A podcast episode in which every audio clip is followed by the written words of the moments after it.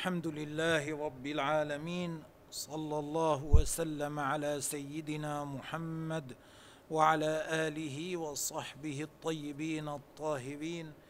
الله أسأل أن يوفقنا لما يحبه ويرضاه وأن يرزقنا النية الخالصة. كلامنا الآن إن شاء الله على الحديث السابع من الأربعين النووية. اشرع بارك الله الحديث السابع. إيه، هذا هذا الحديث أحد الأحاديث التي يدور عليها الفقه. شأنه عظيم. حتى قيل قال بعض العلماء إنه ربع الدين. عن أبي رقية تميم بن أوس الداري رضي عن الله ابي عنه. رقية رقية بنته كني ببنته ولم يولد له غيرها. إيه، تميم بن أوس الداري رضي الله عنه كان نصرانيا فأسلم.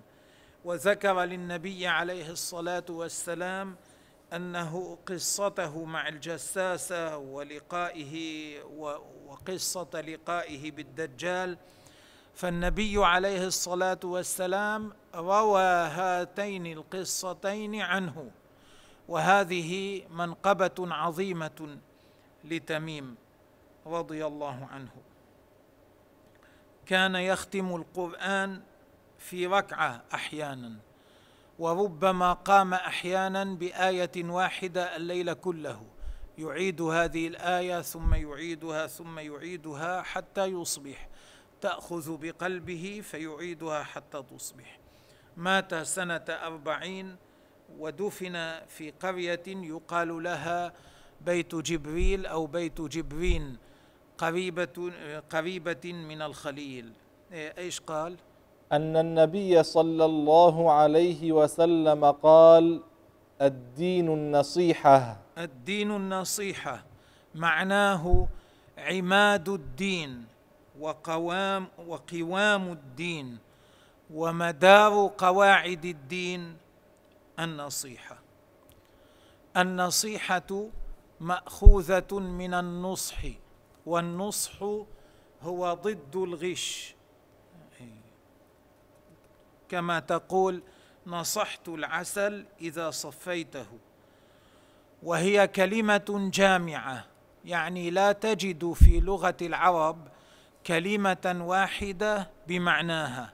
إذا أردت أن تفسرها لابد أن تذكر جملا جملة أو جملا في تفسيرها. كلمة جامعة قيل في معناها إنها إرادة جملة الخير للمنصوح له. إرادة جملة الخير للمنصوح له. وهي نوعان فريضة ونافلة. النصيحة الواجبة شدة العناية من الناصح باتباع محبة الله يعني بأداء ما فرض الله واجتناب ما حرم الله تعالى. والنصيحة النافلة هي إيثار محبة الله على محبة نفسه. يعني إذا عرض له أمران أحدهما لنفسه والآخر لربه قدم الذي لربه على الذي لنفسه. ها. قلنا لمن؟ لأن النبي لأن النبي عليه الصلاة والسلام قال الدين النصيحة ولم يقل لمن؟ فسألوه لمن يا رسول الله هذه النصيحة؟ قال لله. إيه، قال لله. معنى أن معنى النصيحة لله أن ينصح العبد نفسه في مرضاة الله تعالى وذلك بالإيمان بالله عز وجل بنفي الشرك عن الله تبارك وتعالى بترك بترك الإلحاد في صفات الله بوصفه عز وجل بالصفات اللائقة به بتنزيهه عن جميع النقائص بالقيام بطاعته باجتناب معاصيه بالحب فيه. إذا أحب إنسانا يحبه لله تعالى وبالبغض فيه أيضا. وإذا أبغض إنسانا يبغضه لله تبارك وتعالى بجهاد من كفر به بالاعتراف بنعمته والشكر عليها بمحبة طاعته ببغض معصيته وبأن يفعل كل ما يفعله من الطاعات ابتغاء وجه الله تبارك وتعالى وطاعة له عز وجل. وبالدعاء بدعوة الناس إلى جميع ما ذكر. ولكتابه. النصيحة لكتاب الله تكون بأن ينصح العبد نفسه فيما يتعلق بالقرآن الكريم. يعني أن يريد العبد لنفسه جملة الخير فيما يتعلق بكتاب الله تبارك وتعالى. وذلك بالإيمان بأنه كلام الله تعالى القائم بذاته الذي لا يشبهه شيء من كلام المخلوقين. ليس حرفا ليس صوتا ليس لغة عربية ولا أعجمية. كلام الله الذي هو صفته الذي سمعه سيدنا موسى والذي سمعه سيدنا محمد ليلة المعراج هذا الكلام ليس ككلامنا ليس ككلام المخلوقين. ليس لغة ولا حرفا ولا صوتا لأن الصوت والحرف مخلوقان. الحرف له بداية ثم ينتهي. إذا قلت بسم الله الباء تبتدئ ثم تنتهي السين يبتدئ ثم ينتهي الميم هكذا. كلام الله الذي هو صفته لا يليق أن يكون هكذا. له بداية وله نهاية. ما كان كذلك فهو مخلوق. والخالق لا يليق ولا يجوز أن يوصف بصفة مخلوقة. إنما نقول كلام الله صفته ولا نحاول أن نتخيله. كما لا نحاول أن نتخيل حياة الله كما لا نحاول أن نتخيل علم الله كما لا نحاول أن نتخيل قدرة الله كما لا نحاول أن نتخيل مشيئة الله كما لا نحاول أن نتخيل ذات الله لأن الله لا يشبه المخلوقين ولأن صفاته عز وجل لا تشبه صفات المخلوقين. إنما كلامه القائم بذاته لا يشبه كلامنا. هذا من النصيحة لكلام الله تعالى الاعتقاد بهذا من النصيحة لكتاب الله. وأما الألفاظ المنزلة النظم المنزل على سيدنا محمد عليه الصلاة والسلام فهذا يسمى كلام الله لأنه يدل على كلام الله الذي هو صفته. عبارة عن كلام الله الذي هو صفته. وهذا أمر ليس صعبا فهمه. أنت تقول بأن نبي الله إبراهيم قال كذا وكذا وتذكر ذلك بالعربية مع أن إبراهيم ما كان يتكلم العربية. أنت تقول بأن لوطا قال كذا وكذا وتذكر ذلك بالعربية. لوط ما كان يتكلم العربية. لكن تقول هذا كلام لوط. لماذا؟ لأنه يدل على كلامه. عبارة عن كلامه. وكذلك اللفظ المنزل على سيدنا محمد الذي هو باللغة العربية عبارة عن كلام الله القائم بذاته الذي لا يشبه كلام المخلوقين. وهذا النظم المنزل على سيدنا محمد عليه الصلاة والسلام معجز لا بد من الإيمان بأنه معجز لا يقدر على مثله أحد من الخلق. ولا بد من ومن النصيحة لكتاب الله تلاوة هذا القرآن هذا تلاوة هذا الكتاب حق التلاوة بالإتيان بتلاوته على وجهها وبتعظيمه. وبالخشوع عند تلاوته برد من يفسره على غير معناه وبالتصديق بما فيه وبالوقوف مع أحكامه وبتفهم علومه وأمثاله والاعتبار بمواضعه والتفكر في عجائبه والعلم بمحكمه والتسليم لمتشابهه وبالدعاء إليه. نعم. ولرسوله. صلى الله عليه وسلم. وذلك والنصيحة للرسول تكون بتصديقه على الرسالة والإيمان بجميع ما جاء به وطاعته في أمره ونهيه وبنصرته حيا وميتا وبمعاداة من عاداه وموالاة من والاه وإعظام حقه وتوقيره وإحياء طريقته وإجابة دعوته ونشر سنته ونفي التهمة عنها والتفقه في معانيها بدراستها والدعاء إليها والتلطف في تعليمها بتعظيمها بإجلالها بالتأدب عند قراءتها بعدم الكلام فيها بغير علم بإجلال أهلها الذين هم أهل سنة رسول الله أهل الحديث أهل العلوم أهل علوم حديث رسول الله صلى الله عليه وسلم. وبالابتعاد ومجانبة من ابتدع فيها بالتخلق بأخلاقه عليه الصلاة والسلام والتأدب بآدابه ومحبة أهل بيته ومحبة أصحابه وبالتشبه به في زيه ولباسه ومطعمه ومشربه ونومه ومشيه وغير ذلك من أموره صلى الله عليه ونحو ذلك من أموره صلى الله عليه وسلم. نعم.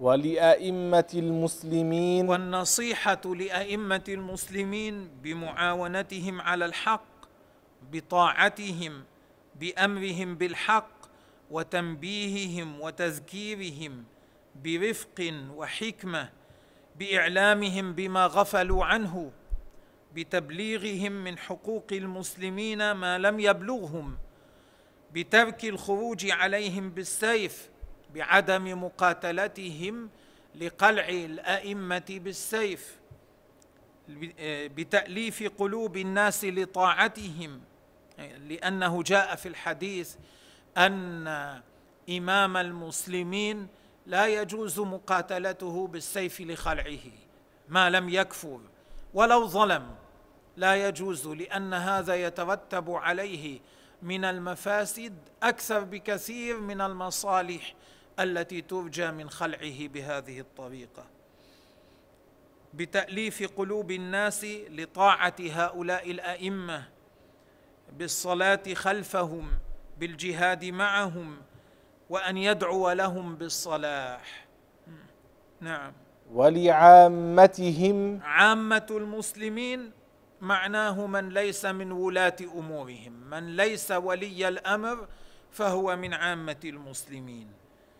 النصيحة لعامة المسلمين تكون بإرشادهم لمصالحهم في آخرتهم ودنياهم بإعانتهم عليها بستر عوراتهم بسد خلاتهم يعني بالنظر في حاجاتهم. ما هي؟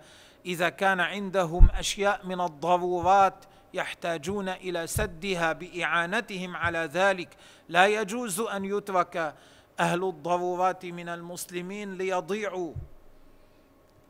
هذا ينطبق على الطعام والشراب والمسكن. كل هذا لا يجوز أن يترك أهل الضرورات من المسلمين ليضيعوا. كذلك لا يجوز أن يتركوا على الجهل من غير أن يعلموا علم الدين. كل من يستطيع تعليمهم إذا وجد الفرصة لتعليمهم ثم لم يعلمهم فهو آثم. إذا ترك تعليمهم هذا أهمل وهذا أهمل وهذا أهمل وهذا أهمل. بحيث ترك تعليمهم ما يحتاجون إليه من الفرض العيني من علم الدين فكل من أهمل ذلك ممن هو قادر عليه آثم والعياذ بالله تعالى. أيضا نصيحتهم بدفع بدفع المضار عنهم السعي في دفع الضرر عنهم. ليس إذا وجد الإنسان الضرر نازلا بهم يسكت وينزوي ويقول ما لي ولهم. إنما من النصيحة الواجبة للمسلمين أن يدفع الضرر عنهم إذا كان قادرا. ومن النصيحة لهم جلب المنافع لهم وأمرهم بالمعروف ونهيهم عن المنكر. هذا أيضا الأمر بالمعروف والنهي عن المنكر من النصيحة الواجبة لأن الذي هو أخ لك على الحقيقة يحبك المحبة الخالصة على الحقيقة لا يسكت لك إذا وجدك واقعا في المعصية لا يسكت لك إذا وجدك مقصرا في أداء الواجبات إنما أخوك الذي هو حق أخيك هو الذي ينصحك إذا وجدك قصرت في أداء الواجب قال لك أنت قصرت في أداء الواجب. إذا وجدك وقعت في المعصية قال لك أنت وقعت في المعصية. كما جاء في الحديث المسلم مرآة أخيه. كالمرآة المرآة إذا نظر فيها الإنسان ماذا فيه من المحاسن تبدي له؟ وماذا فيه من العيوب أيضا تبدي له؟ المرآة تطلعه على عيوبه وهكذا ينبغي أن يكون المرء المسلم مع أخيه إذا وجد فيه العيب ينصحه ويبين له يأمره بالمعروف وينهاه عن المنكر. ليس كما يفعل كثير من الناس في أيامنا. يقولون يمكن أنا إذا بينت له يترك صحبتي يمكن يغضب مني يمكن لا يعود يقرضني المال يمكن وليس هذه النصيحة الواجبة.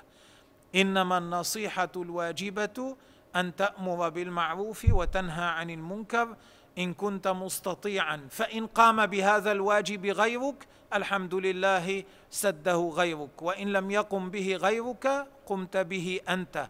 طالما أنك قادر على ذلك طالما تستطيع ذلك. فاذا من جملة النصيحة لعامة المسلمين أمرهم بالمعروف ونهيهم عن المنكر برفق بمراعاة الحكمة في ذلك وبإخلاص أي بطلب وجه الله بفعل ذلك وبالشفقة عليهم أن يكون عنده شفقة على عامة المسلمين وتوقير كبيرهم إظهار التوقير للكبير الذي هو الآن شبه مفقود. جاء بعض الناس إلى النبي عليه الصلاة والسلام كان بعض الصحابة في حي من أحياء اليهود. قتل بعضهم. وجد مقتولا.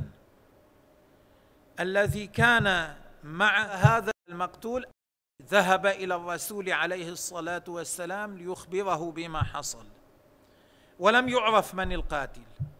وذهب معه اثنان أكبر منه. فذهب هذا الذي كان حيث قتل المقتول أراد أن يتكلم. اللذان كانا معه أكبر منه سنا. النبي عليه الصلاة والسلام منعه من من الابتداء بالكلام. قال له كبر كبر. يبدأ بالكلام من هو أكبر منك سنا. ليس أنت لو كنت أنت هناك. فتكلم من هو أكبر منه ثم تكلم هو. وهذا من توقير الكبير الذي ينبغي علينا نحن في هذه الأيام. ترى ال ال الولد الصغير حتى قاعدا مادا رجليه في حضرة أبيه أو في حضرة أمه. وليس هذا من توقير الأب ولا هو من توقير الأم. ترى الإنسان في هذه الأيام الولد يقول لأمه أو لأبيه أعطني هذا الغرض وافعل لي هذا الأمر واعمل لي هذا. جعل أباه وأمه مثل الخادم والذي ينبغي أن يخدم أن يخدم هو أباه وأمه. في هذه الأيام تجد الصغير كثيرا ما يتقدم على الكبير حيث لا يطلب الشرع تقدمه عليه بل حيث يطلب الشرع تقدم الكبير عليه. وهذا لأن توقير الكبير صار مثل شبه مفقود بين المسلمين في أيامنا. من جملة النصيحة للمسلمين توقير كبيرهم. النبي عليه ورحمة صغيرهم. أن ينظر إلى الصغير بعين الرحمة. ومن جملة رحمة الصغير تأديبه عندما يحتاج إلى التأديب. لكن تأديبه مع الرحمة تأديبه لا للتشفي إنما تأديبه بفعل ما يصلحه حيث كانت الشدة تصلحه يشتد معه وحيث كان اللين يصلحه يلين معه. يفكر فيما يصلحه ولا يفكر في التشفي منه ولا ولا يفكر في إنفاذ غضبه. إذا أراد أن يؤدبه إنما ينظر حقيقة فيما يصلح حاله ويؤدبه. يرحم ينظر إلى هذا الصغير بعين الرحمة ويتفكر أنه هو أيضا كان صغيرا مثله. فيفكر ما الذي كان يصلحه في صغره؟ إذا كان يصلح هذا يستعمله معه. هكذا ينبغي. النبي عليه الصلاة والسلام قال ليس منا من لم يوقر كبيرنا ويرحم صغيرنا ويأمر بالمعروف وينهى عن المنكر. معناه ليس من المسلمين الكاملين من لم يفعل ذلك إنما هو من المقصرين الناقصين. أعاذنا الله وحفظنا من ذلك. ومن جملة النصيحة للمسلمين تخولهم بالموعظة الحسنة أن يعظهم أن يخوفهم من النار أن يرغبهم بالجنة أن يحثهم على فعل الطاعات أن يحثهم على ترك المعاصي. يتخولهم بذلك بين المدة والمدة. لا يكلمهم في ذلك كل حين. لا يكلمهم في ذلك على التوالي بحيث يملون لا يتخولهم بذلك كما كان يفعل النبي عليه الصلاة والسلام مع الصحابة يتخولهم بالموعظة ولا يطيل عليهم بحيث يملون إنما يكلمهم بقدر ما يفهمون ويصل إلى مبتغاه منهم. هكذا من هذا من جملة النصيحة. للمسلمين يتخولهم بالموعظة الحسنة لا يتركهم كما تترك البهائم. لا تنصح بخير ولا يبين لها شر ولا تخ ولا ترغب بجنه وبثواب ولا تخوف بنار وعقاب. لا إنما يفعل ذلك لكن يتخولهم بذلك. بين المدة والمدة وبترك غشهم لا يغشهم. يبتعد عن غشهم وبترك حسدهم لا يحاول أن يسلبهم ما هم فيه من النعم وأن يحب لهم ما يحب لنفسه من الخير ويكره لهم ما يكره لنفسه من المكروه. وهذا أيضا مما هو شبه مفقود في أيامنا أن يحب لغيره ما يحب لنفسه من الخير. هذا لا يقتضي منك أن تتمنى زوال ما عندك من ما عندك من الخير. لا ولا يقتضي أن تتمنى زوال ما عنده. إنما تحب أن يكون له من الخير مثل ما لك. ما أحسن هذه الخصلة؟ وما تكره لنفسك تكرهه له من الشيء المكروه. وبالذب عن أموالهم يعني بالدفاع عن أموالهم إذا استطاع وأعراضهم إذا وجد إنسانا يغتاب مسلما يدافع عنه إذا وجد إنسانا يبهت مسلما يدافع عنه من ذب عن أخيه المسلم ذب عنه. وبإعانتهم عند الحاجة للإعانة. إذا وقع المسلم في كربة ففرج عنه أخوه المسلم يفرج الله عنه كربة من كرب يوم القيامة.